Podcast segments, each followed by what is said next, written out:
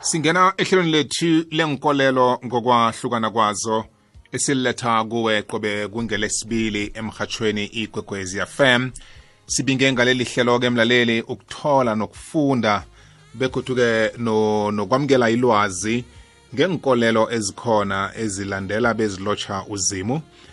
Kaningi-ke aye siphathe inhlokwana ezahlukahlukeneko. Lapha sithola khona impendulo ukuthi inkolelo ziphendula zithini. Eh ngalezi inhloko begodwa sifunde khonapho. Ngithemba bona nango-2019 sizokwenza njalo njengoba nake senzile eminyakeni ophelako lo umnyaka ka-2018 kuningi sikufundileko nonyaka mlaleli sisazokufunda begodwa-ke sisazokuthuthukisana ngelwazi njalo njalo. Ngihlezi nomfundisi umbuyane mhebheru. Nginaye esitulo sethu sekwekwezi fm umfundisi u-aphane ujamile ikolo yobukrestu. Uyeza usendleleni uzokuba nathi. Emtatweni nginohlalithwa mnazaretha opheleleko ekolweni yakashembe ekolweni yekuphakameni kanti-ke siba naye-ke ehlelweni lethu nje kukokuthoma-ke eminyakeni ka-2019 akhe ngithome ngilotshisa umchumayeli emtatweni. Hlalithwa ngiyakulotshisa ngithi intambama ayibe yihle kuwe mchumayeli intambamahle professor intambamahle kubafundisi. Intambama ayibe yihle nonyaka omuhle. Umlaleli wekwekwezikafm ngizibuza bona mchumayeli anikakheluki eh ngama-holiday nje beningadla amabhacon awukabethi i-police card lapho? Ya ngiyayizwa nevoice ngathi yehlile.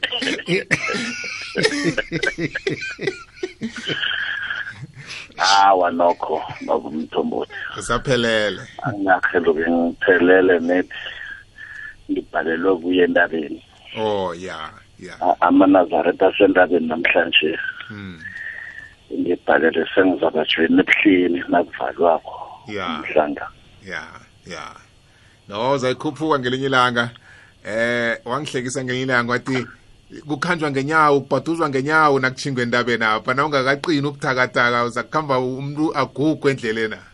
Hey uzangathi inyawo ezakusengezakho mthumboda nawuthi khani ngehayikhe na bona bogogo bapovateka bathi asikhambe emkhwenyana kwenza njani? Yeyi then ngenxa yokuthi ugogo nanguyakamba supimserele hayi.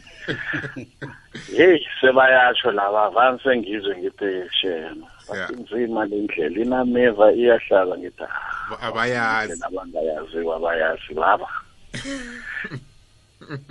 Abayazi indlela ethinde nameva labo ngikuzwile mchumayeli ngiyathokoza ukuzwa iphimbo lakho. Angilotshise umfundisi umbuyane shalom umfundisi. Shalom bobo. Eh mangithi kumakristo onke eh happy new year.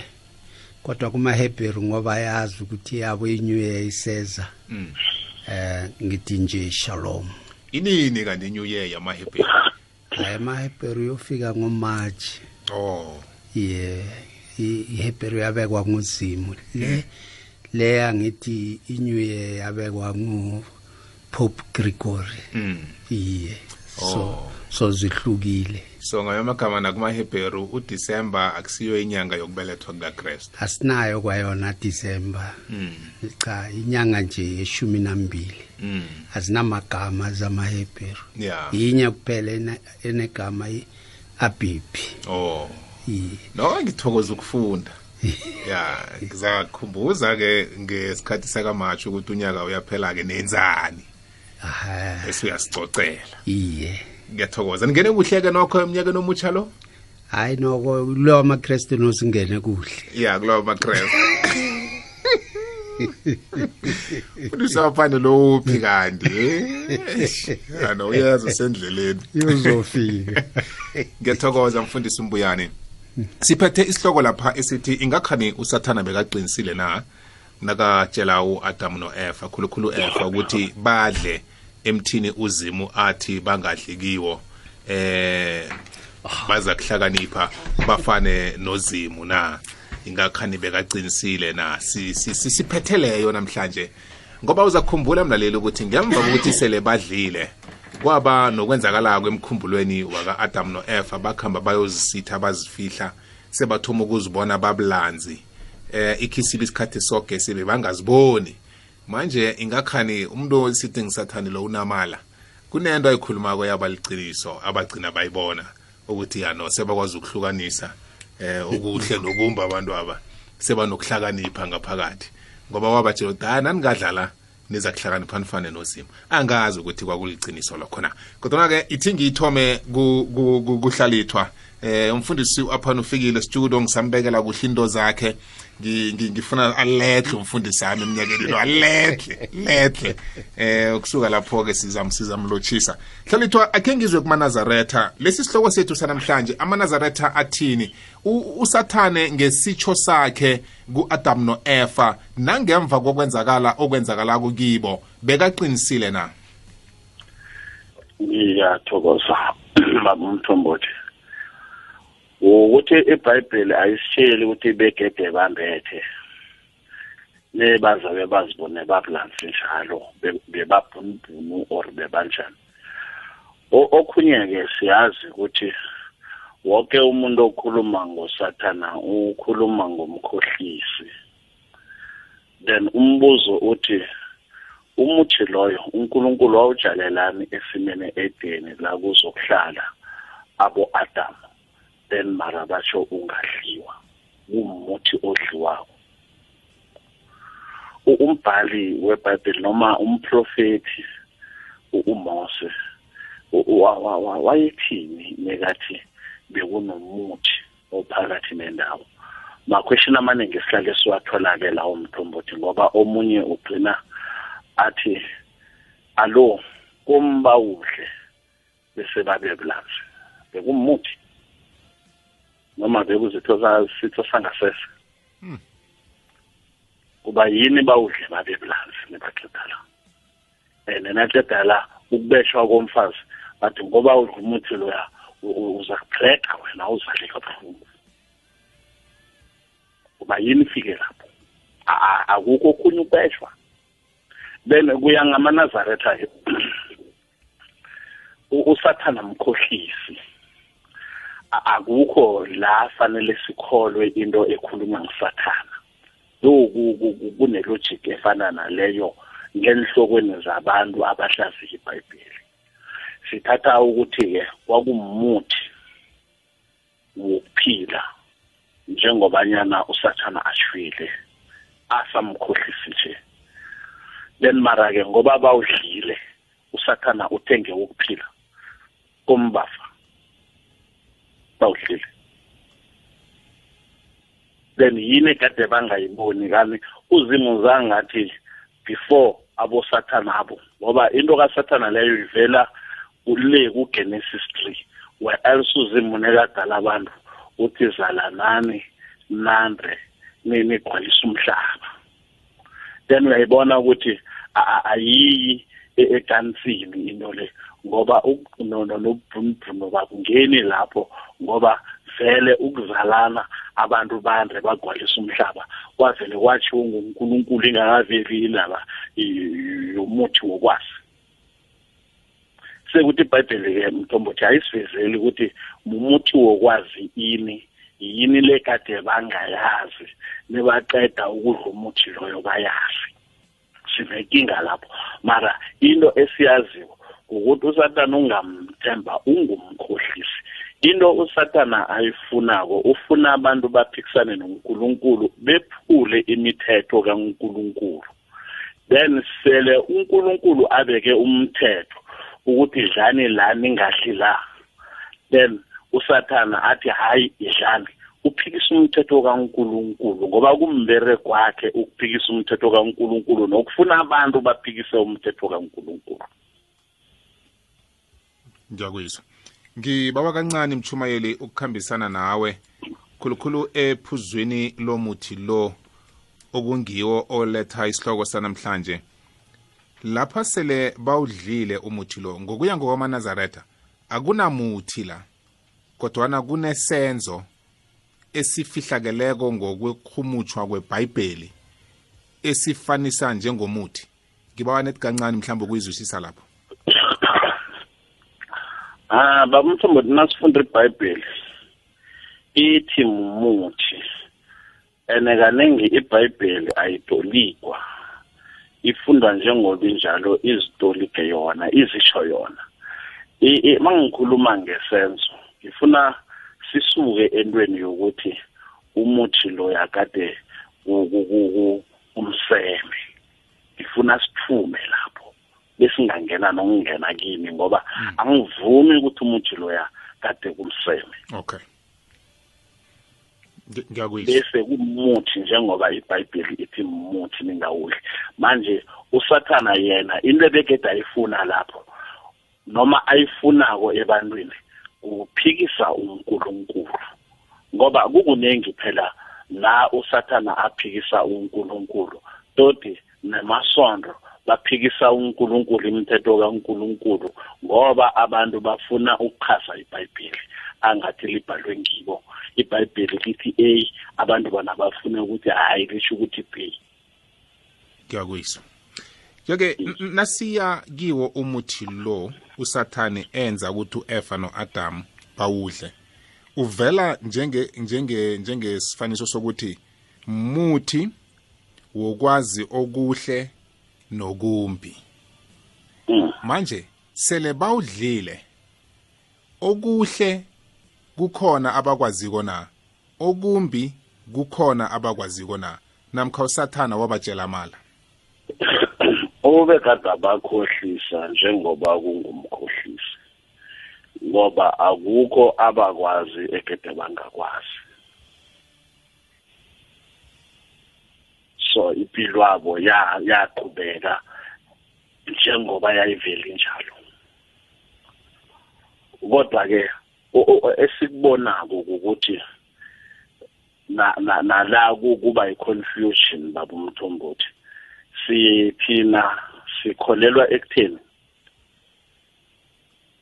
do kade kumuthi but kuna this belief yokuthi u-Eva no-Adam akusibo abatshelwako ukuthi zalani nani and kwesibili ukuzala kuka-Eva azange kube sibusiso whereas ukuzala kwabantu bokuthoma lithi iBhayibheli uNkulunkulu wababusisa wathi zalani nani mara u-Eva yena waqalekiswa ukuthi uza kuzala kabuhlungu Mm. Mm. Kungakho iphele ifune ukubuyela entweni yokuthi kwangathi bazithokozisa ngomseme nabanye nabayihlathululako ngoba isidlo lesi somuthi sivela njengokuzithokozisa. Eh ukuzithokozisa okungakabusiseki eh nokungakavunyelwa kwangaleso sikhathi ukuthi kwenzeke. Yayibona? So ke nasele bona bazivumele ngokwabo namkha bazenzela bona ngokwabo ukuthi kube njalo kwabonakala ke kukukweca umthetho uzimo awubekileko. Umuntu osho njalo baba umthombothi uzobe uneffect then angeke ngamphikisa for ukuthi usho njalo. Ngizomphikisela ukuhlaziya ibhayibheli ngakabhalwa nguye ngoba nangithi ngoba angisho kunokufika la na ukhuluma into sithi yini? Source of information ngoba ibhayibheli alikusho lokho kushoko do i-reasoning yakho ibe izwakala nokuzwakala ukuthi mara une point mara since ungana source epointini lakho apho awasikazokuvumelana mara nokho angazokuphikisa right. Sengicedelela kafitshazana ngakuwe hlalithwa imithi le yayimibili muthi wokwazi nomuthi wokuphila. Kwathi sele badle lo welwazi uzima abakhandela ukuthi bangawudli. Wasuswa loya wokuphila ngoba bebaza kuphilela safuthi nesenzo sabesi bangasahlongakala. Limithi emibili le mimithi mbala yenthelo namkha kunokhunye esingakutholi kuhle lapha. Eh iBhayibheli esifihlela khona? iBhayibheli ithi mumuthi. Then nakukhona okhunye asithole isource esho njalo. Mm okay sizoyibamba lapho nomchumayeli angilotshise umfundisi uaphane umfundisi nyakomutsha. Ngithokoza ukukubona ngithemba ukuthi ke ningene kuhle eminyakeni omutsha.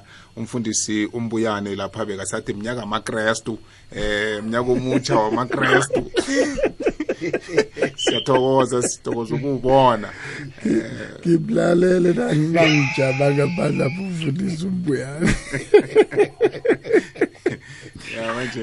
Ngithi lotsha mntombothi eh nyaka omuhle nyaka omutsha umuhle kuwe. eh ngilotshise ngithi shalom kumfundisi umbuyane. Shalom ngithi mfowethu. nyaka omutsha ngibuye ngithi intamba amehle eh kumnazaretha emoyeni ubaba uhlalithi amen.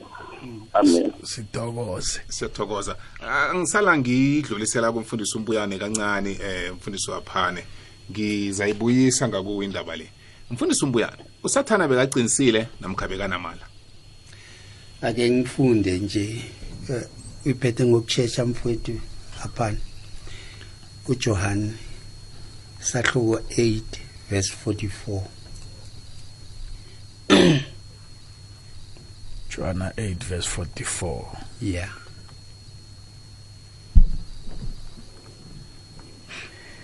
Ithi nibantwana bakayihlo usathana. Nithanda ukwenza inkanuko zakayihlo. Kusukela ekuthomeni bekambulali azanga khabe neqiniso ngombana akukho iqiniso kuye. Nakaleya amanga ukhuluma lokho okuyimvelo yakhe ngombana ungusomalakazi noyise wamanga. Eh ngathi lento le- verse iphendule konke bobo. Eh uSathana azange nje akhona ukukhuluma iqiniso since wawa waba ngusathani kangakhone ukukhuluma iqiniso. Lapho inkosi beyikhuluma namajuda amajuda bebemphikisa befuna ukumbulala bayenza leyo nto. Manje uthi ngikhuluma iqiniso mara nina ngoba nje ningisele emva nifuna ukungibulala ngoba nifana noyilo usathane ubaba wenu. Ngoba ungumbulali kwasekuqaleni. Wabona wayebabulala labantu e- ensimini ye-Eden. Vele wayefuna ukubabulala ngoba inhloso yakhe nokuzimisela kwakhe ukuthi umuntu afe. Ene eh reason yakhe yokuzonda umuntu isibusisa inkosi yasibeka kumuntu. Zalani nande igcwalisa umhlaba nonqobe nibuse. Iyona nto ayizonde kakhulu ngiyaxolisa eh usathani akudingeki nokuthi size sikhulume ukuthi wayeqinisile ngoba uyise wamanga. Iqiniso azange libe khona kuye. So i straight nje ukuthi akakwazi.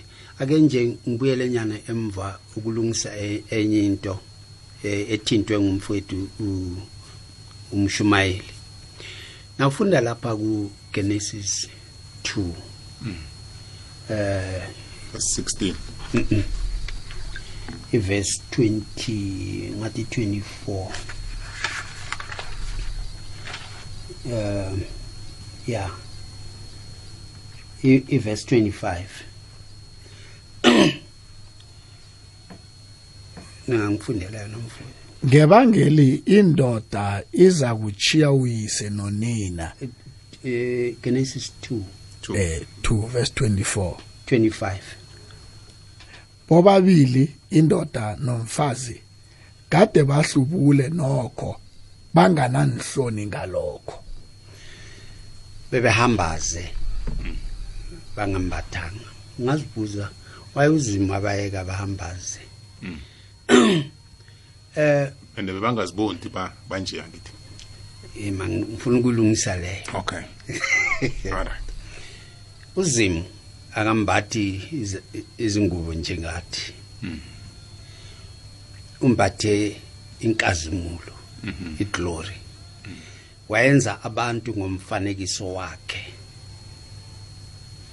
And then labantu bafana naye. Uyabona? Nakuthiwa umuntu ufana naye ukuthi yonke into ifana naye. Ngakho-ke wabambathisa loku okumbathwa nguye. Mm. wabambathisa inkazimulo. Nafunda kumahubo into engiyalifuna ngilikhohliwe leli hubo. Lithi umuntu yini nkosi? Uze umphakamise kangaka umenzi waba mncane kwi- kwizingilosi kodwa wamphakamisa kakhulu wambathisa ngenkazimulo so labantu bebembethe inkazimulo kazimu. Bebembona uzimu bebexoxa naye mihla namalanga. Lokho kwenza usathane okuhle nokumbi bebangakwazi eh no. Ngoba bebambethe ikazimulo bebang bebangakwazi. Ngifuna ukuthi yes. Yes. Yebo iqiniso. Bebengakwazi. Ngoba na ufunda eh eh okuhle nokumbi bebangakwazi. Right. Ng- ngizoyiprova ngevesi. Ungangifundela mfowethu aphane 3 eh chapter 3 yeah 24 ubani ugenesis yeah. Genesis 3 kuthe sele amqotshile umuntu. Uh-uh, 22 usomnini uzimu wathi kazi umuntu sele anokwazi konke ngaleyo ndlela sese afana nathi. Yeke akukafaneli avunyelwe bona elule isandla sakhe adle emthini wokuphila ukuze aphile isiphelane. Bambe lapho mfundisi mnandi-ke ikulumo le. Raga mfundisi mbuyane eh uzimu yonke into alright asithi ukuthi isikhona ukuzwa angithi singabantu. Eh unomntwana ungumfana noma uyintombazana osana 8 years. Ungaxoxa naye ngokwemseme. Hawa. Akha nangakubuza. Angeke akubuze. Ngeke akubuze. Ayikhona no. Oh. Ngeke akubuze mntombo hlalithwa hlalithwa nawe uyavuma. Angivumi akakavumi uhlalithwa umntwana u8 years. Angakubuza. Ngeke.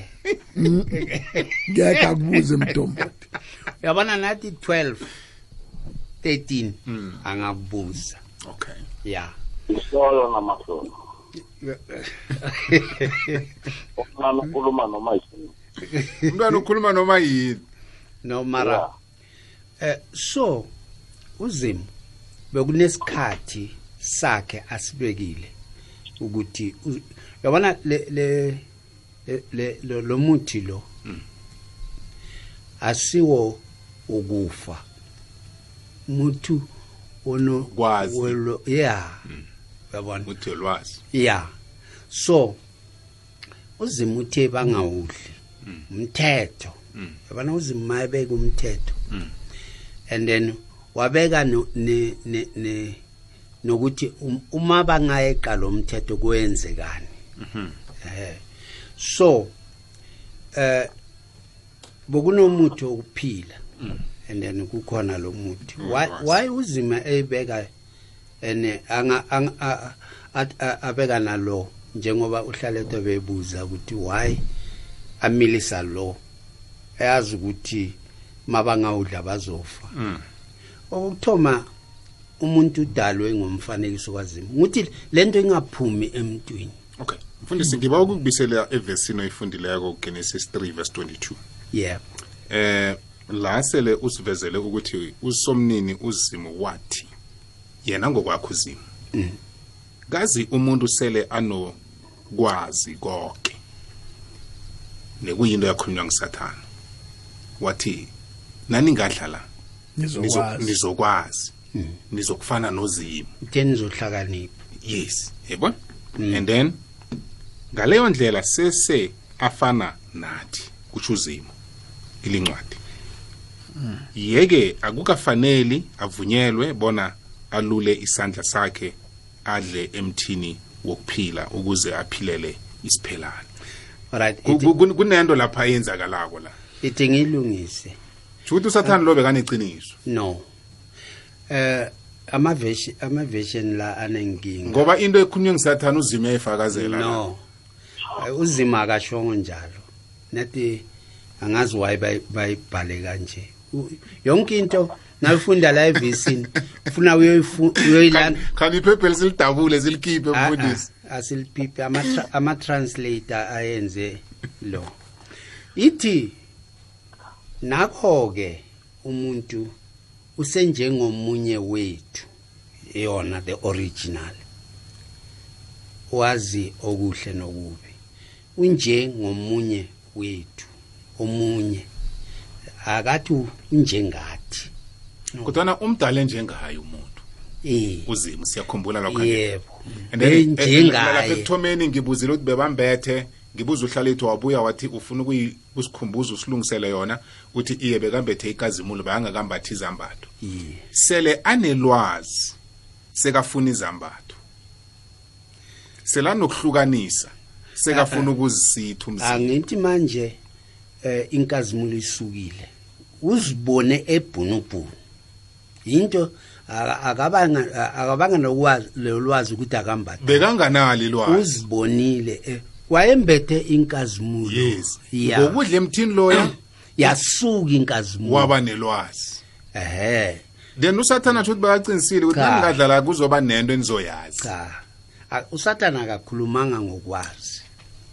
Uthe nofana nozimo nikuyincwadi efaka- efakazelwa ngugenesis 3 le ukuthi sekafana nathi. No ngithe and mina singamvumela bona lula isandla sakhe. Ngithi le- le- ke seni lapho ekhuluma khona usathani nakhuluma no tshatsha abamfundisi wapha Ngitsho- sengitsho khona ukuthi ngi- ngiphezu kwakho. Eh kuyo leyo ncwadi alright eh ubaba umfuni ubaba mbuyana anga anga- angasihelebha hleze mhlambe. Akhe siyeni lapha ekuthomeni la bakhuluma khona sizokuthi bathini ngoba sengathi ngilandela ikuluma yakho mthombothi uthi ngathi anizwani nobaba umbuyana ukuthi usathani lo wayetheni kuhle kuhle. Inyoka kade inobuqili ukudlula ezinye inilwana inilwanyana Zomango. zomango uzimo azenzileko yabuza umfazi yathi kuliqiniso bona uzimo unalele ukudla eh kinyana ngemuphi umuthi osesivandeni na? Umfazi waphendula wathi awa singadla isithelo sanyana ngimuphi umuthi esivandeni. Kodwana uzimu uthe ningadli isithelo somuthi ophakathi nesivande begodu ningawuthindi ukuze ningafi. Inyoka yathi awa anikazi ukufa kuhle kuhle uzimu uyazi bonyana mhlazana nisidlako eh emehlweni amehlweni. amehlwenu azokuvuleka nibe nokwazi konke njengozimo yeah still. Uh, uh, le, ustil le, ustil utsho ukuthini? Ngithi le version angivumelani nayo. Ay- ay- ayishongo njalo. mayini wala iciniso eliphambi kwethu No. mfundisi mbuyane angithi umbhali uyazi ama-translator ane- a- anenkinga? Ayikho enye incwadi hlala itophetha ukaphatha isizulu lapho. Ake ngifunde isikhuwa. Eyi, Wakaphatha enye- hayi ukuthi Mhlambe ngizama sisi- ukuphikisana nobaba Mbuyane, but sisize ake umfundisi si uMbuyane. Yeah. no mina ngithi ake siqale namanye ama-translation. Yeah. um mthombo ke ngi- ke siyene esikhuweni Eh, funda i-king james. ke se ngiphethe i-king james. So ithoma phezulu apha la kukhuluma khona usathane. Si- sithome phezulu apha la khuluma khona usatana ya. Eh.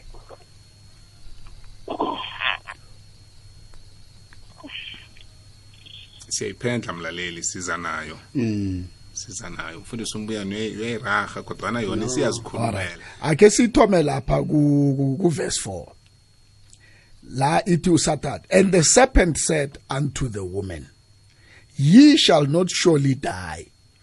For god doeth know that in the day ye eat thereof then your eyes shall be opened and ye shall be as gods knowing good and evil. Ngibona. knowing. Eh. Kutsho ukuthi bebangazi. Eh. Sebanelwazi. Eh. Manje inyoka beyiqinisile no. Bafile. Ukuthi bebangaqinisanga.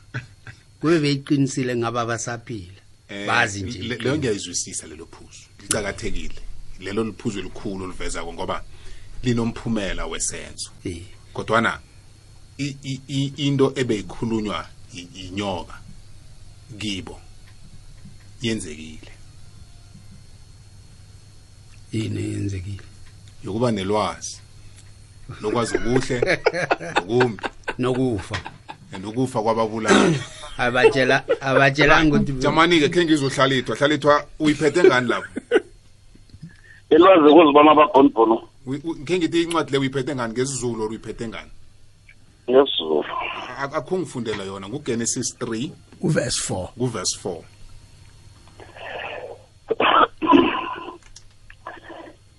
inyoka yathi kowesifazane anikufa nokufa. Kepha uNkulunkulu uyazi ukuthi mhla nidla kuyakuvuleka amehlo enu nibe njengoNkulunkulu nikwazi okuhle nokubi. Okay ibambe lapho hlalithwa umfundisi umbiyana uqinisile. Ngephuzu lokufa. Eh. Bafa. Eh. Yabona? Bese egcine napha ngokwazi okuhle nokumbi inyoka le ikwenzile kwenzeka ebantwini. Sele bazi lokho. Kokubili kwenzakele. Khani mfundisi umbuyane ngi- ngikuz- ngikuzwa ngenye indlela. Ngiyavuma. Beyinamala ukuthi angekhe bafe. Ngoba babhubha babulawa sona. Nokungena kokufa esekusibambile nathi namhlanje angithi kwangena lapho. Iye. Mamala wokuthoma ke lawo kodwa nase i- i- i- i- ichubeka iya phambili ekutheni bazokwazi okuhle nokumbi kwenzekile lokho ngoba bebanganayo leyo nto leyo. Alright angivume mara eqinisweni sifanele si sibheke indlela uzimo be befuna labantu babe ngayo. Eh abantu uzimo badale ngomfanekiso wakhe efuna ukuthi babuse afuna ukuthi baphile kuhle. Ukuthi uzimo mayibeka umthetho noma ethi umuntu ayenze nje uyazi ukuthi kwenzekani. Ene uzimo sonke isikhathi uyenza izinto ezi- ezihle kumuntu. noIsrael nayahamba endleleni kusuke kusuke eGibhithe nabesendleleni wabanika amana. Nabe nabedla amana uthi umbhalo phakathi kwabo bokungekho bokungekho obuthakathaka. Umuntu ungazibuza ukuthi why bokungena umthakathaka ngoba lokudla uzimo wayebanika khona bokunayo yonke into umzimba uyidingayo. Mara abantu bakhumbula ukudla kwaseGibhithe. Baze bathi iGibhithe ingcono. Abantu sonke isikhathi sinjalo uzimo ukhuluma so abantu bacabange so. Okay. Kumaheberu usathana bekanamala. Angithi le verse engithome ngayo. Okay. Ithi iqiniso azange libe khona kuye. Mayikhuluma manga ukhuluma lento edalwe nguye ngoba uyise wamanga. Okay. Inkinga yethu ivele evesini elisenzasi kokungibani 22 322 yes. Ngifuna ukudlulela kumfundisi u-aphane kodwa ngangifuna ukum- ukumfaka kule kule ncwadi ozivulileko. Siza kubuya la ku-22 mfundisi u-aphane kumakrestu usathana bekaqinisile namkha bekanamala ngesenzo sakhe sokutshela u-adam no-eva bona badle. Eh mthombothi ngibuye ngilotshise kumlaleli. Indaba le i- ibudisanyana so. Ene ngiba ukuthi ke ke sikhambe nayo ngikhambe nawo dodi ukudanyana indaba omuthi le. Em indaba ye yeqiniso lika Satan i ngesikhuwa si- singathi i-complex. Kunanazi izinto ezimbili. Kunento ekhona nento eliqiniso. uSatan into ekhona uyayikhuluma umbuzo kube ukuthi lento ekhona iliqiniso na ukuthi uSatan ayikhulume? uSatan ukhona ukwazi ukuthi wena kunento emkhumbulweni akho akhone nokwazi iqiniso lokuthi uba mkhulu wakho waphupha nokuthi uba mkhulu wakho bekungubani ngikhuluma ngoSatan kube iqiniso lokho ukuthi uba mkhulu wakho bekungujwanisi. Mara ngiyakutshela ukuthi uba mkhulu wakho uhlubule ufuna ukwembathiswa sewunamanga. Oh. Uya- uyayibona into le ukuthi i-trick mthombothi. So ngifuna nomlaleli. Ayibambe kuhle ukuthi izinto ezikhulunywa ngusathane a- a- kungenzeka kungabi zizinto ezingekho. Kuzokuba into ekhona. And ivesi leli liyasicacisela ukuthi lento ekhulunywe ngusathane ibile khona. Kodwana iqiniso liphi phakathi kwalento ekhona ekhulunywa ngusathane? Um ngiba sifunde uJohn chapter 10 verse 10 right siyayiphendla mlaleli. Nawe uzokungena ku-089 7667 zinomboro zomtato lezo ngena ngazo emhatshweni eh John 10 Mm. ibhayibheli ami leyenzani kanti uyitholile mfundisi? Eh. Johannes sikhulumisa Johannes ithi isela liza kwaphela kobana lizokweba libulale belehayile mina ngizebona eh zibe nokuphila zibe nakho kuphuphume uJohannes u10 verse 10 Johannes 10 verse 10 okay. Now la iBhayibheli lisivezela ukuthi nazi izinto uSatan azizeleko. Ene uSatan aka aka destroy abantu ngezinto ebangazaziko. Lizokweba libulale belihayile belihayile wenza lezi zinto. uSatan the moment athoma ukukhuluma nawe nazi izinto ahlose ukuzenza nakasuka kuwe Alright. ukuthi zenzeke. A- a- asibambe kanti kabuthaka sibuyele kancane kumfundisi umbuya kusho ukuthi umfundisi umbuyane uveze indaba yokuthi usathane bekanamala ngoba abantu bahlongakala. Wabebela impilo wabebela ipilo that's number one ngevesi yakajohannes. Ngevesi likaJohannes. Okay. injongo yakhe kwakukwebela kubebela alright. babhubhe. Yes. kodwana ebebela ngokubatshela okuliqiniso. Eyi manje nayifika lapho-ke iyas- i- isenza sizibuza ukuthi bekaqinisile na? Manje lalelake. Indaba nasike kulo uzimo ukhumbule ukuthi ukukholwa is about faith. Angithi that's why sithi ukukholwa. So uzimu ungokukholwa. Uzimu uzi nasithi siyakholwa senza imvelo kazimu. So uzimu injongo yakhe ekuthomeni bekafise ukuthi uAdam akholwe. uAdam was put to test. Ekuthenini uzokwazi ukubambelela emthethweni. Ngibuyele endabeni kababumbuyane emthethweni kazimu ahlale kufinyelela ngesikhathi sakazimo la azokudla khona isithelo sokuphila nokufa. Lento uzoyibona la ivela khona khona lapho esifunda khona lapha kuGenesis. Okay. La uzimu sekathi asale sesimsusa esivandeni ngombana sewuyasa in other words sewuyawazi umthiloya wokuphilela futhi. Enjongo yethu bekusekuthenini nesekazivezile ukukholwa kwakhe bese simnikela ukuphila okuphakade. Manje ngenxa yesono eh sekosta bhubhe mara no ukubhubha kwakhe kingakazimi ukuthi nase sesesivande na.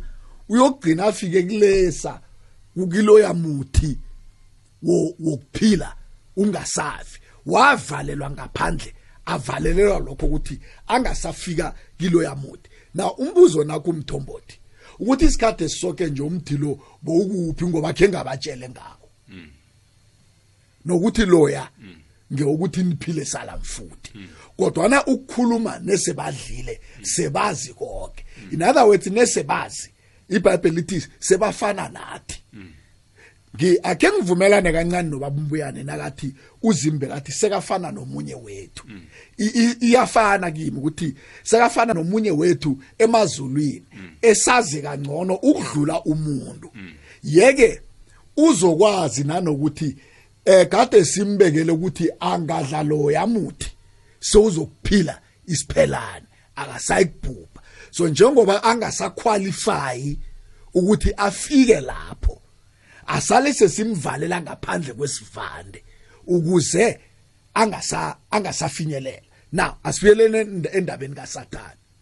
uSathane bekazi izinto ezimbili. Bekazi ukuthi bazokwazi. Bekazi nanokuthi nebaqeda ukwazi bazobe bonile ngoba ukwazi kwabo kungaphandle komthetho kaZimo ngoba uZimo bekathanda ukuthi baphile ngaleyo ndlela ebaphila ngayo ngale lwazi uZimo abanikele lona okwaleso sikhathi.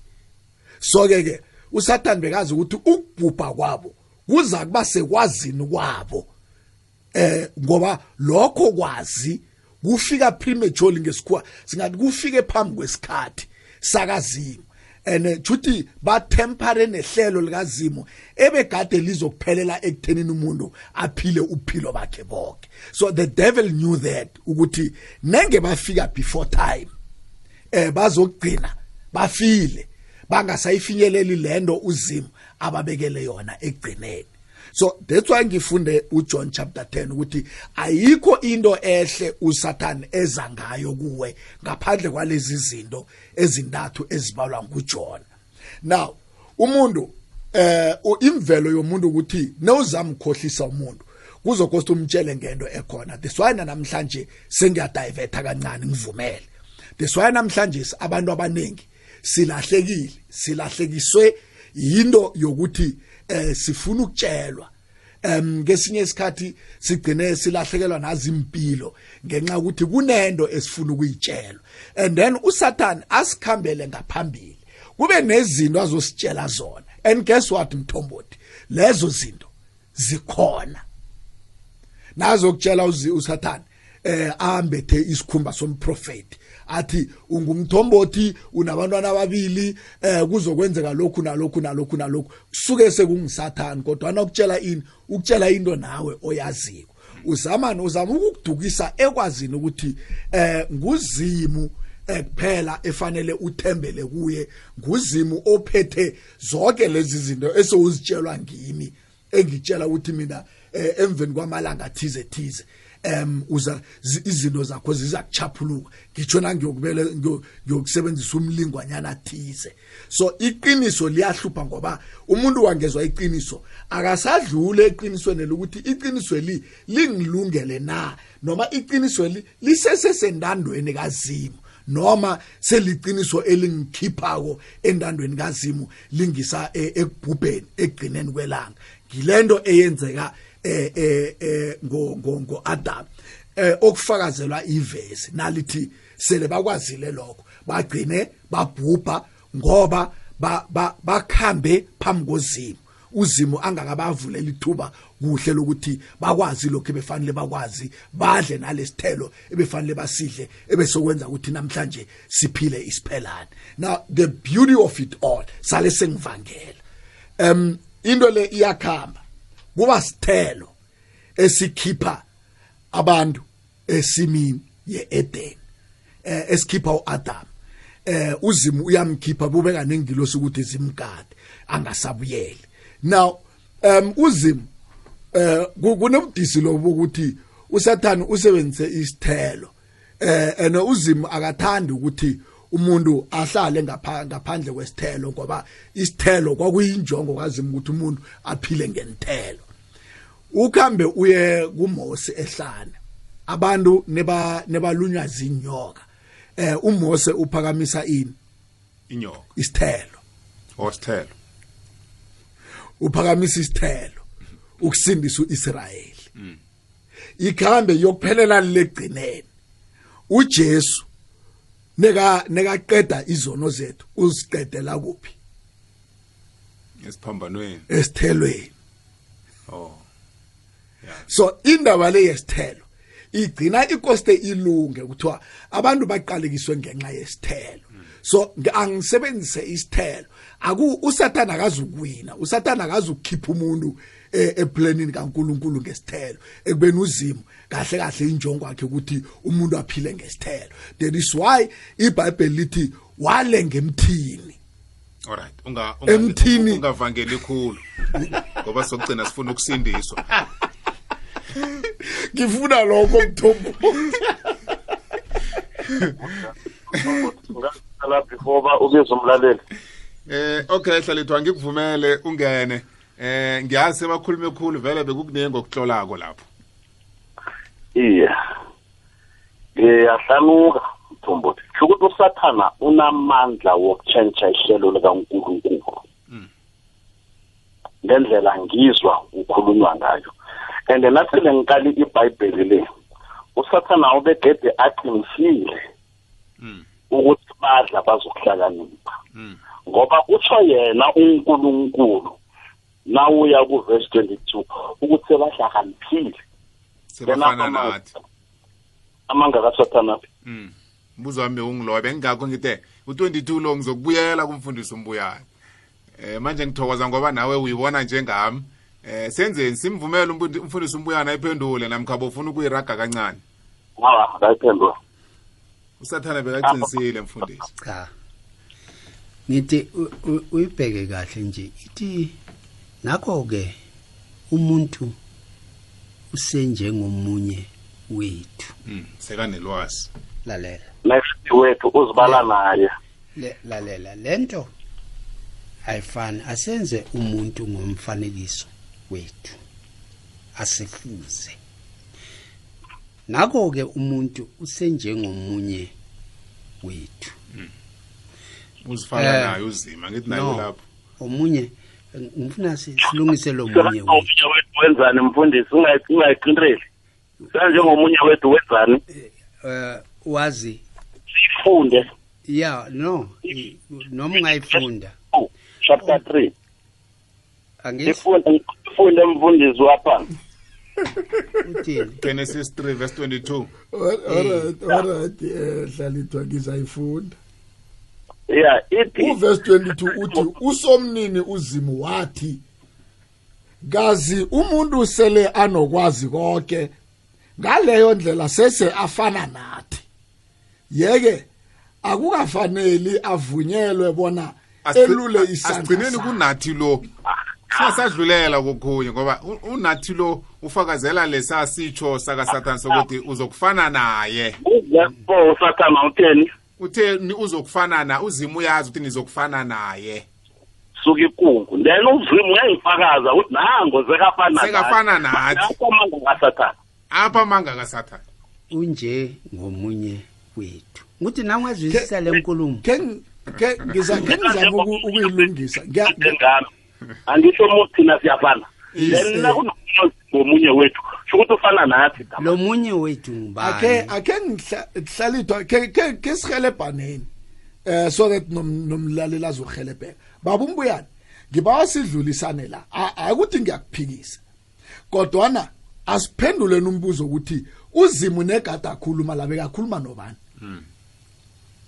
Njengomunye wethu. Eh njengoba begada akhuluma athi asenze umuntu ngomfanekiso wethu bekakhuluma nobani? Nosathana bekakhona. Eh satani bekangekho. Akaziphulu akaziphendulele baba umbuyane.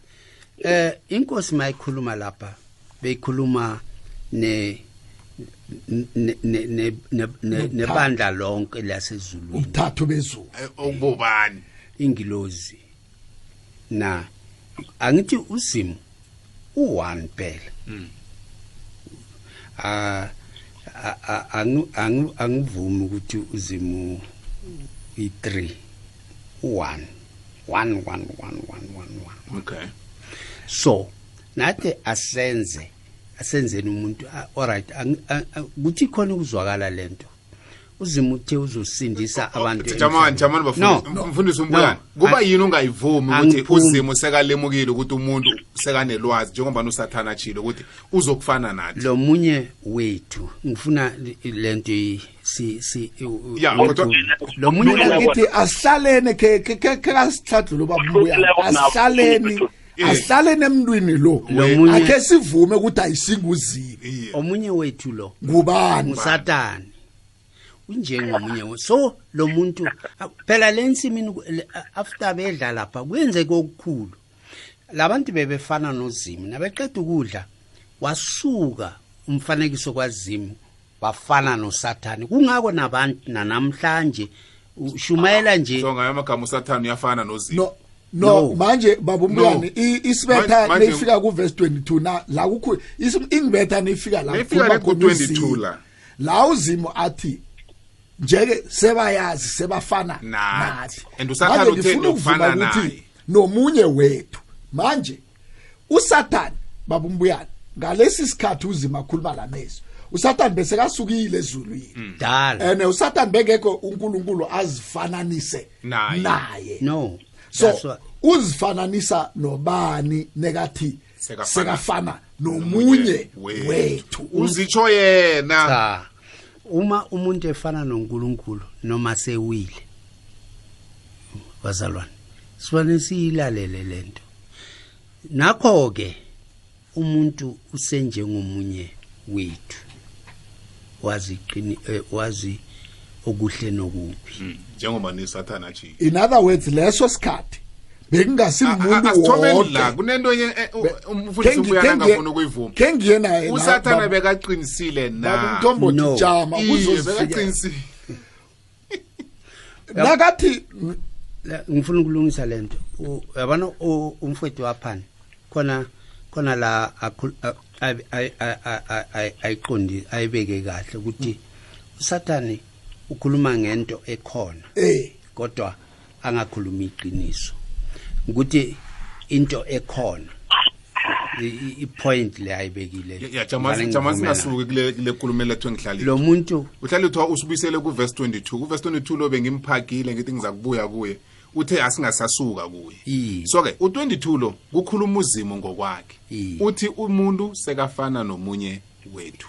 Lo ende munye kuyinto ekhulunywe ngusathana kugenesis 2 verse 16 lo munye ngizofana naye. Uthe nizokufana naye. Lo munye wethu nguye uSathane. Lo munye wethu. Phela uSathane ungumoya. Uzimo ungumoya ubuwazi. Jama mfundisi ukuthathaphi lokho ukuthi ngusathana lo unkulunkulu omsho angizwa ukuthi unkulunkulu nekade omunye wethu usho usathana ukuthathaphi eh nasifunda la ku John 8 engiqale ngayo. Hayi Um, ayikhulumi lalela lalela mfowethu. iJohn 8 verse 44 Ink- inkosi uMesiya ukhuluma namaJuda. Uthi lento eniyenzayo nifuze uyihlo uSathane. Uba- ubatshela kanjalo ngoba umuntu nase sonweni ufana noyise uSathane. Naseqinisweni ufana noyise uJehova. Mayeseqinisweni ufana no eh, uyibekile mfundisi. Okay.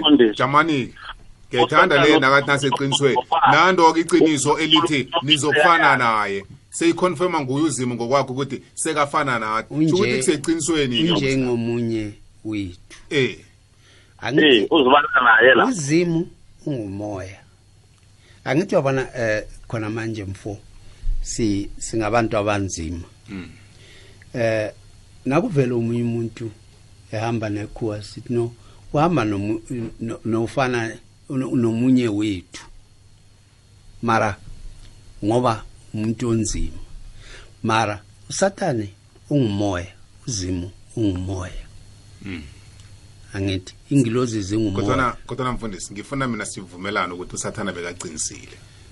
Ngoba kwenzakele lokho kufakazelwa yivesi yaka-22 ake ake ngizama ukusiza. Ubaba umbuyane um hleze mhlambe singa si- sisizwa la nguverse 1 I, get your point mina and futhi ke kunala sivumelana khona njengoba bekade mina ngichaze ekuthomeni. Um uverse 3 khona la kuchapter 3 uverse 1 uthi inyoka kade inobuqili ukudlula ezinye inlwana zomango. Uzimo azenzileko. Jamani sikhuluma ngayiphi inyoka la? Sikhuluma ngayo le e- ekhulunywa usathana namkha usathana. namkha inyoka edaliweko kunento embili lapho ekufanele zihlukane.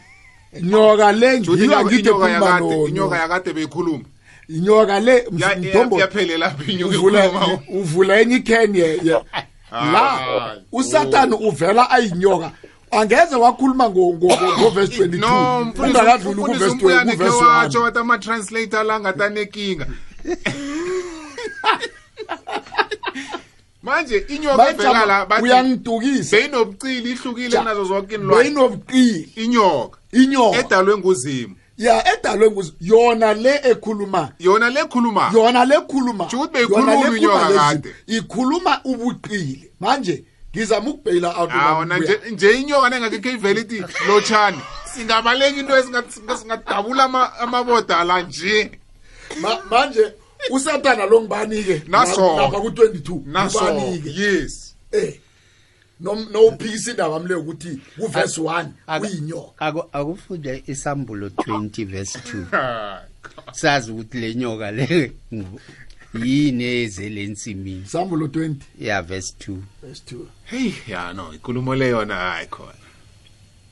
Yabamba nom yabamba unomhaso okutsho inyoka endala kodwa ebizwe bona ngudevil noSatan bezwa yilo nyoka beyisensimini so hayi le nyoka endala. Hayi edalwe nguzimo yonke indalo manje yonke ibhayibheli indalo. wayilithoma lithi inyoka beyinobucili ihlakaniphile kunazo zonke inlwane nayo ke inyoka e- e- e- e- eyelapha ensimini now mthombothi Eh, ikulumo le ngi- ubaba ubuyana uphendula imibuzo wakho ukuthi inyoka le nguyena A- uSatan akhe ngizwe manje ekhaya. nevesi lithi ngu- ngudevil nguSatan Ngi- ngiyayi- lithi inyoka endala. ngiyayizwa mfundisi apha eh ngiyayizwa. okuphendula indaba kaverse 1 ya no Eh. ngiya- ngiyayizwa kodwana ke akhe ngiphose emakhaya. Manje awukangi- awukangi- awukangilisi ngaqeda ukuthi sizane nobabu nobabumbuyana alright ithi inyoka le gade inobuqili.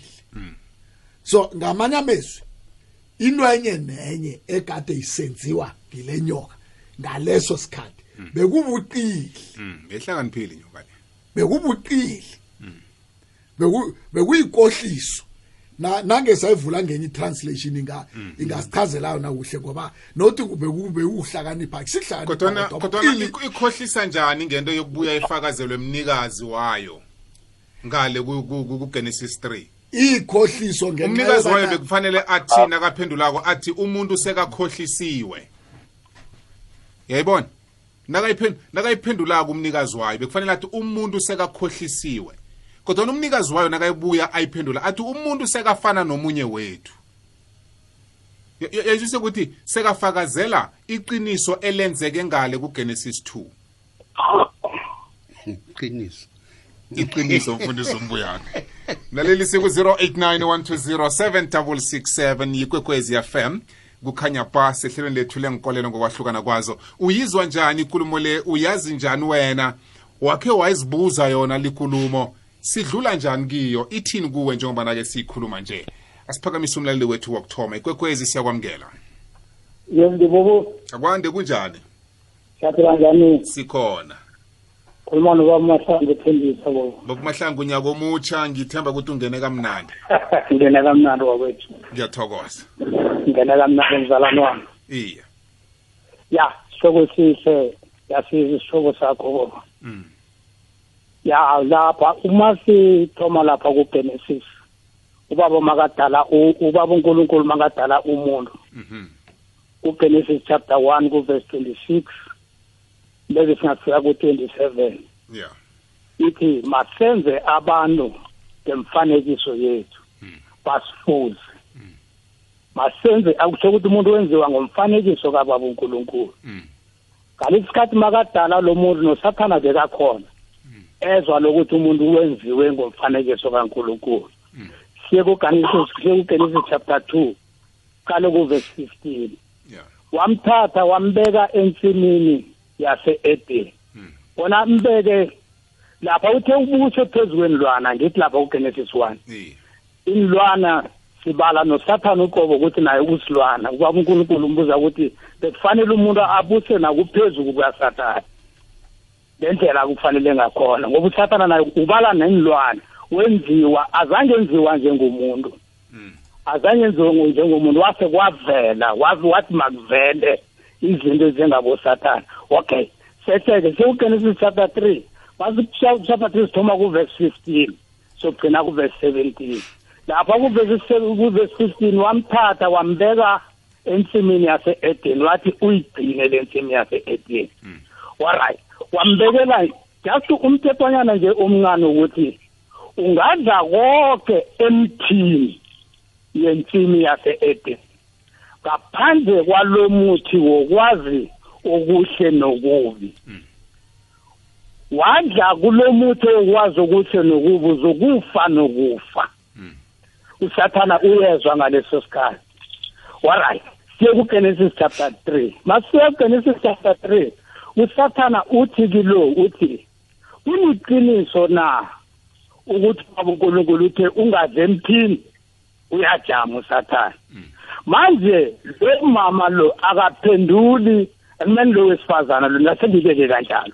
Akaphenduli ukuthi uthe ngingadle emthini yena ubala imthelo imthe ake sithatheni imthelo nomuthi akufani yabona?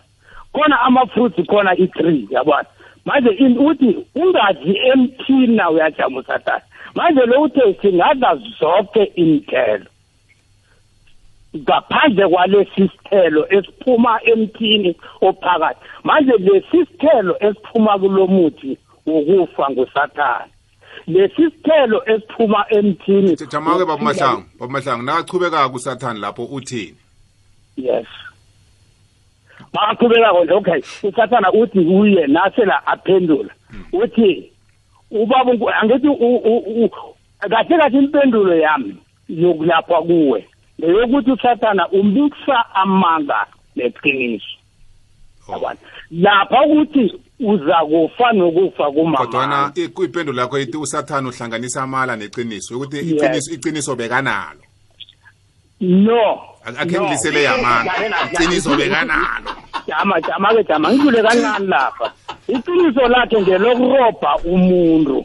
Angithi lalela ithi ithi ngibeke somzalwane wami ukuthi angithi nakakubona lokuthi nakuthi uzokufa noku alright uhlahlameso wena. Ngithi ufuna ukubona ukuthi oh lo awuthene yena lo ukuthi angizukufa nokufa. Manje amise iqinisonyana kancane ngithi Ah, ah, Baba Mahlangu.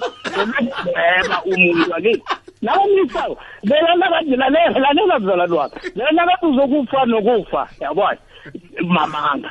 Lela nokuthi ne uzokulokuza. Manje uzokuba ukwenza nelwazi uma- njengozimu liqiniso ya le- le- le- angithi na- ya ngithi kubatshela- asibambe lapho baba mahlangu asaqhubeka nesibambe lapho. Amase ngithatha iphuzu lokugcina ngithatha iphuzu lokugcina lela leka-twenty two. Lapha laka-twenty two ukuthi ne sebazi isono no- no- no- nokuphenduka ngithi iye. Sebazi oku- okubi isono. Yabona? Okuhle kukhonza ubaba unkulunkulu. Mm, angithi iye. Sebe- sebazi njalo. Manje le into ebayaziko sebayazi into ebeyaziwa kuzimu ukuthi kukhona okumbi kukhona okuhle.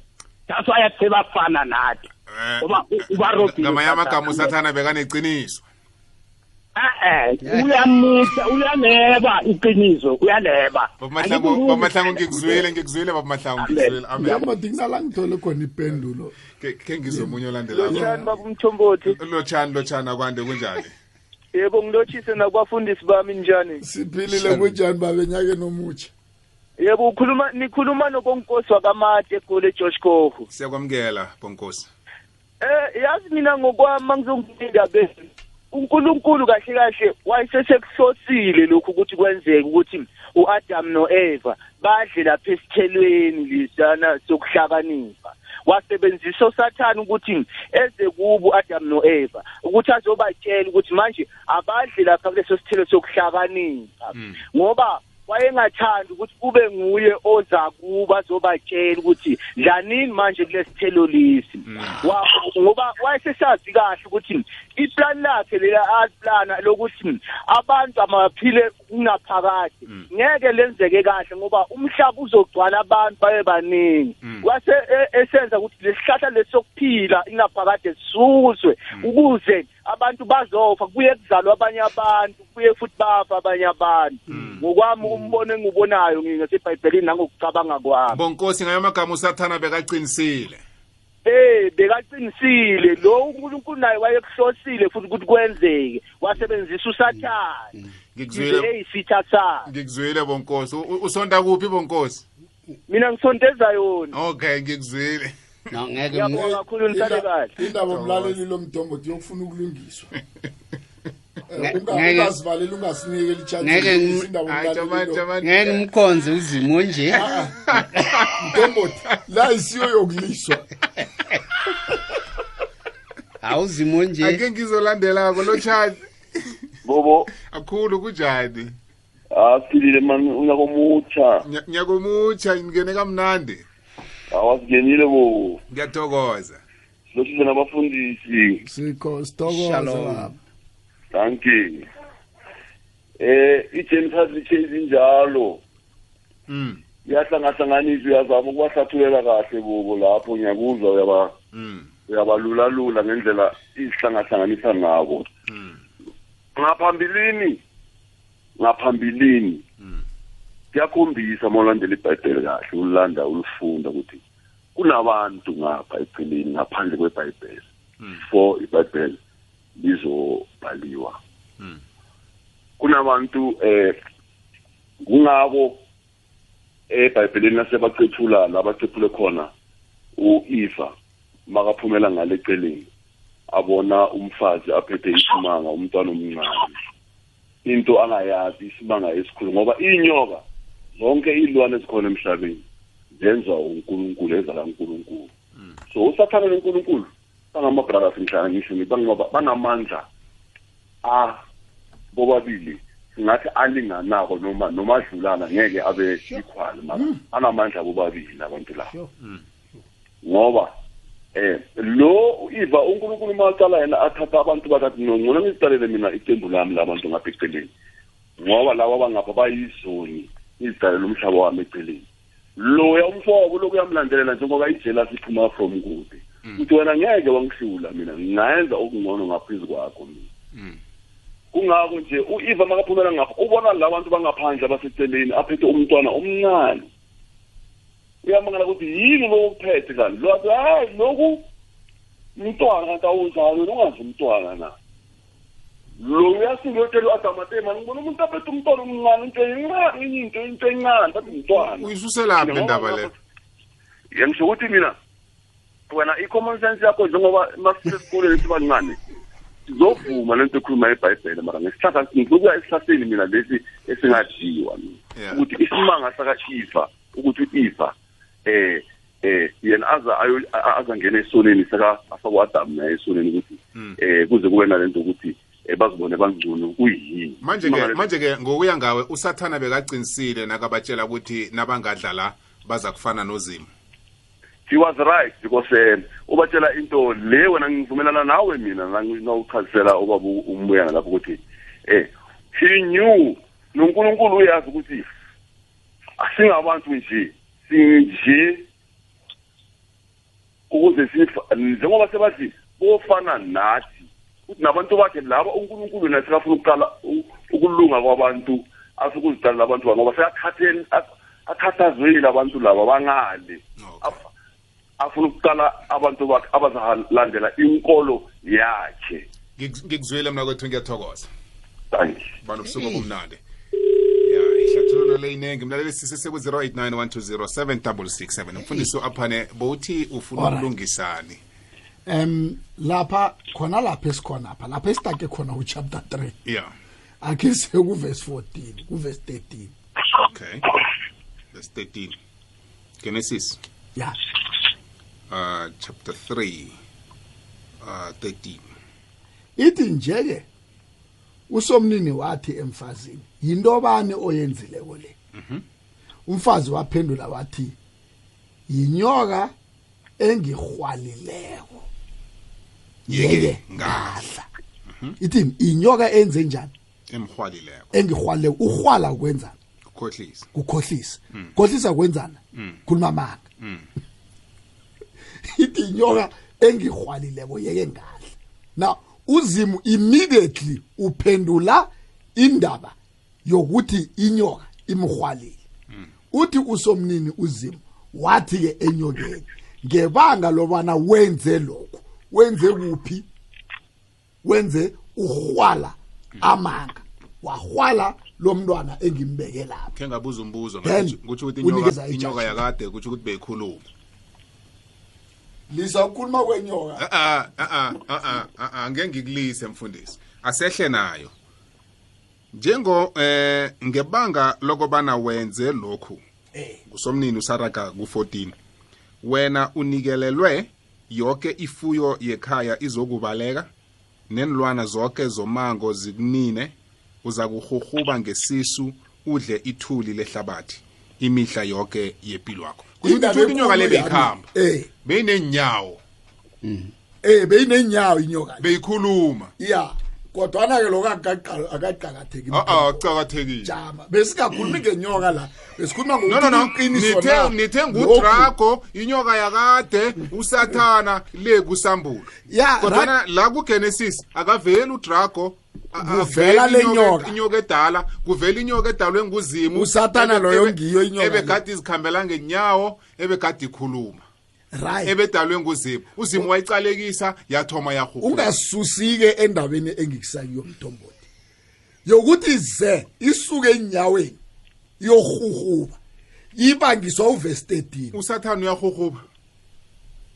Sikhuluma nje.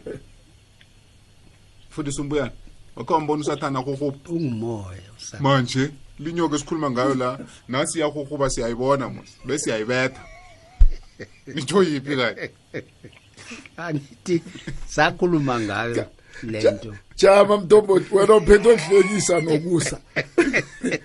Jama akusinjalo. Mina- ngilinga ukulandelela imhlolo yebhayibheli njengobana itsho izikhulumela yona. Eh. Nokucalekiswa kwesenzo lesi.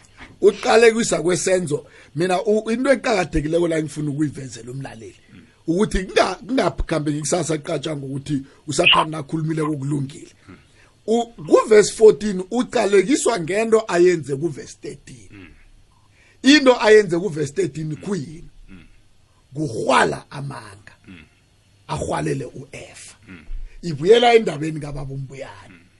Yokuthi usathana akhe sithi akhe sithi bekumamala. Kuba yini fanele bajeziswe uzimu azi into le imamala ngeke yenzeka umjezisa njani umuntu ngento emamala? Ntomoti angeke wamjezisa umuntu ngento emamala. Umuntu sele uvele khotho ijaji lilalela ubufakazi bonke likhupha isigwebo likhupha isigwebo phezu kwento eliqiniso nento oyenzileko. No. manje lesi senzo abajeziselwa phezu kwaso siliqiniso ngoba simenzile umuntu ukuthi abe nelwazi njengozimo. Abagwejelwanga lokho. Bag- bagwejelwe ukweqa umthetho. Ngiyavuma.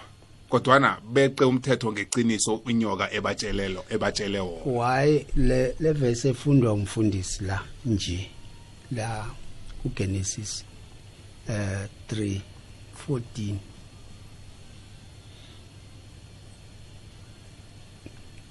uma umfazi ebuzwa uthi ngikhohliswe i- inyoka. iqiniso liyakhohlisa. Ntombothi eh good question. Eh. iqiniso liyakhohlisa. iqiniso alikhohlisi. Yabona. Manje u-efa uthini lalelakhe iqiniso alikhohlisi. Ngoba nozimu uyalazi iqiniso kungakho abagwebile. No. Ngoba liqiniso. Lokho okukhulunywe inyoka no. Iqiniso alikhohlisi ngiyavuma. Ubagwebelani benza iqiniso. Uba ubagwebela ukuthi be- be- ba- bathole iqiniso leli usathana abantu abatshele lona. No. No. Labantu and then usathana umgwebelana Kungakho nami ngitsho njalo. usathani nakakhuluma iqiniso Ngithi- mntombothi ngithi- ngithi uzimu uzabagweba njani nakuthi usathana iphendule bekabatshela amanga mntombothi kuphendule Ithi- le. ithonywe ngimi musileyo ukuthi usathani ugwetshelani nakhibe? Bekabatshela amanga bekabatshela iqiniso. Eh. But uverse 13 no 14 uchaza ukuthi u14 u14 uyagweba. U14 ugweba into eyenzakele ku13 u13 uthi kwenzakeleni Right. u13 uthi kube nokukhohliswa. Ngiyavuma. Okube Asi- khona. asiwavume wonke amavesi akugenesis 2 agcina sekajeziswa ku14 amavesi wonke akugenesis 2 asiwavumeni ulungiselani ke uzimo kugenesis 3 kuba yini alungisa? Nakuthi beyimamali into leya. Ntombothi ekuthomeni eh asikisi babumbuyana ngichazele into nasi ngathi usathane nekakukhohlisako leyo ngizwile ikohliso ikohliso le kungenzeka ukuthi ikhohlisa ngezinto Ezikhona. ezikhona. Bekukhona ukuthi bana bona bahle. Eh kuno kunolwazi ebe bazokuba nalo ebe bangakafani na- nakum ebe bangakafanele babe nalo ngaleso sikhathi. Ngoba uzimo bayale ukuthi Banga- bangabi nalo. Ake si- sibe kuhle. Uzimo bayale ukuthi bangabi nalo. So bona benza ama means outside the plan of God yokuba nalento. Okuyisona okuyisona sizokuthi inyoka bayihlakanipha ukudlula umuntu. Ngamanye amagama inyoka bayihlakaniphe ukudlula umuntu ukuthi ingabe imkhohlise. Usathane ungene enyokeni ngayisho ngenye imini sikhuluma khona la. Usathane ungene enyokeni that's why inkosi eh, angithiyazwa inyoka yiphi? Inyoka yiphi? Inyoka nyoka yona le. Inyoka yona le kuba ngaphandle le. Ukuthi inyoka le ihlakanipha ukudlula umuntu. No.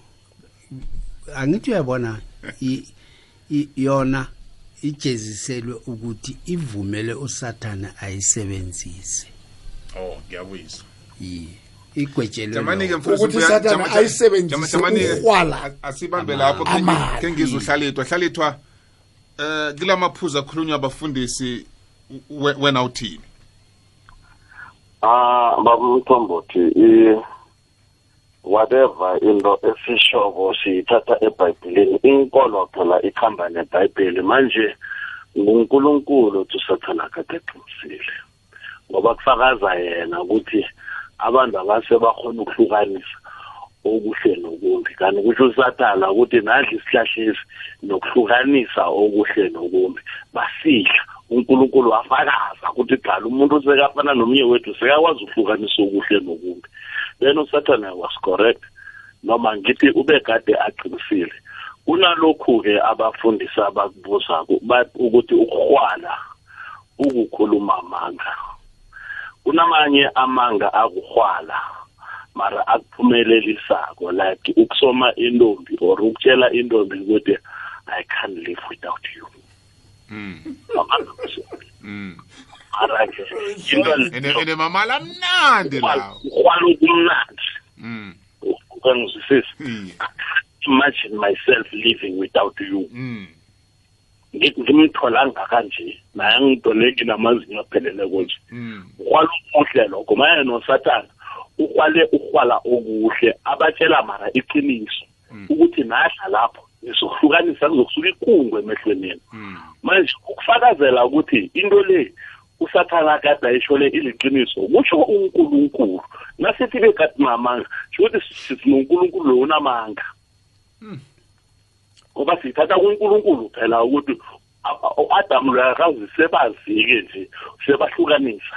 A- angimsusele Yeah. ngoba uzabade nesihlahla sokuthi kungafi. A- akhe ngithi ngabomi waba nethuba u-adam lokuthi adle umuthi wokuphilela safuthi. Sho ukuthi uzimba selangasana plan. No eh? no iqi- iqiniso Eh, ukuthi- eh jamani No, oh Jamani. sho ukuthi uzimbe selangasana plan ukuthi umuntu No. uzambulala njani? Hayi. ngoba uzabe sekadle umuthi woku- wokuphilela safuthi edle nalo akhe ngithi akhe ngithi ngathanda u-adam waba nechudu kancane. Athi nta ngaba oyophila emtini wokudlala safuthi. Waye- wayezophila phakathi Yeah. esesonweni wayezophila wayezophila phakathi. Yi. aphile lesonweni ahlakaphila afana ingakho uzimo enze indlela ukuthi aphume. yokuthi umu aphume. Ukuthi akhona Bese- ukusindisa. ku akhona ukusinda abuye. Ibuyele endabeni nami leya. Ye- yesivande nomuthi ukuthi umuntu ubuyela trahe emthinapha Yeah. lapha ekuthome khona into le. Into le iphelela la ithome khona. Angathani usatana zange ayiveze into le ngathi ngekho emhlabeni. Asiphila wabereka dama. Utsho kaliphi Wabereka, Dlalita? Damani? Dlal- dlalita ukwazi ukupraise usathane utsho kaliphi ukuthi usathane athana ngekho kasingekho emhlabeni dlalita abantu baphila doma ku-adamu ukufika namhlanje. Ngasi overpopulated ngasilani ngasikhamba phi? Basiminyane phela nje. Dlalita ke ke ngikukhumbuze nasinto ngozini ukuthi uzimo is-supernatural thina emhlabeni apha sibona i- i-natural. Um ekhe ngikukhumbuze ukuthi ilanga lingangani? Umhlaba ungena kayi-thousand kayimiliyoni elangeni. So bengekhe uzima atlhoga indawo yokusibeka uzima yikho into enibhalelako ingakho ibhayibheli lithi ubuyebo no-amen ku-18th century mosangatana abantu bangavi doma ku-18th century ukujala namhlanje jajamake hlalethu umbuzo wami ebenginibuze wona uphelela la nesikhathi sami siphelela la eh ngiphendulekile mahlangothi wonke wabafundisi bebakhona abanye bayala abanye bayavuma ukuthi usathana bekaqinisile. Eh mlaleli ke soza kusala nawe uzifundela. Zinhloko ezibanzi ke lezi ezingeneleleko ezifuna umuntu ukuthi aphendla phendle hlalethhu angithome ngakuwe silayilise emakhaya. Ngiyathokoza baba umthombothi ngiyathokoza. Mlaleli happy new year usathana kubalulekile abantu bangam-underestimate. Ngoba angakwenza ugcine umkhonza ungazi ukuthi uyamkhonza uhlakaniphile lokhu kungehla kokuhlakanipha. And unawo amandla wokulwa nonkulunkulu njengoba akhona ukubheda isihlelo likankulunkulu. Ngiyathokoza abantu fanele bamhlogomele khulu um inkosi busisweni ngizwile amen. Babu u-aphane singalalisa eh ngithokoze mthombothi ngithokoze nakuhlalithwa eh amagama ethu wo- wo- wokuvalelisa sinohlalithwa hlezi azakufana namhlanje usathane ibhayibheli limvezile kuverse 1 ukuthi unobuqili eh ngusomaqhinga. Abantu abayelele eh ukuthi usathane uvela ngendlela eziningi kodwana uJesu ujamile uyaphilisa nanamhlanje. Lento yayonakala esivandeni yabuyela yawukulunga esivandeni. Uzima sibusise sonke amen. Amen. Singavalelisa mfundisi umbuyane. Shalom, shalom eh, mlaleli. Please Sathani uyingozi. Balekela kuzimo isikhathi sisekhona. Shalom. shalom ngithokozile mlaleli ngithokoze nabafundisi ukuhlala nabo studio zekwekwezi fm ngilo-ke leli esivula ngalonyaka uzuze ufikile ukuphathile ihlelo lithi lala mphefumulo wami ufundisi unomsa mahlangu nomthandazo webusuku nakungimyana ngile